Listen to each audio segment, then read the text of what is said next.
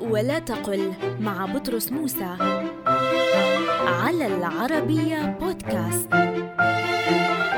قل علق صديقي على كلامي وقل أقيم حفل للخريجين ولا تقل قام صديقي بالتعليق على كلامي.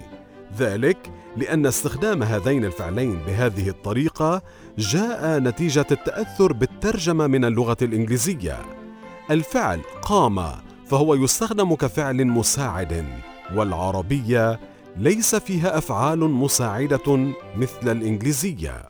اذا قل علق صديقي على كلامي وأقيم حفل للخريجين ولا تقل قام صديقي بالتعليق على كلامي أو تم إقامة حفل للخريجين.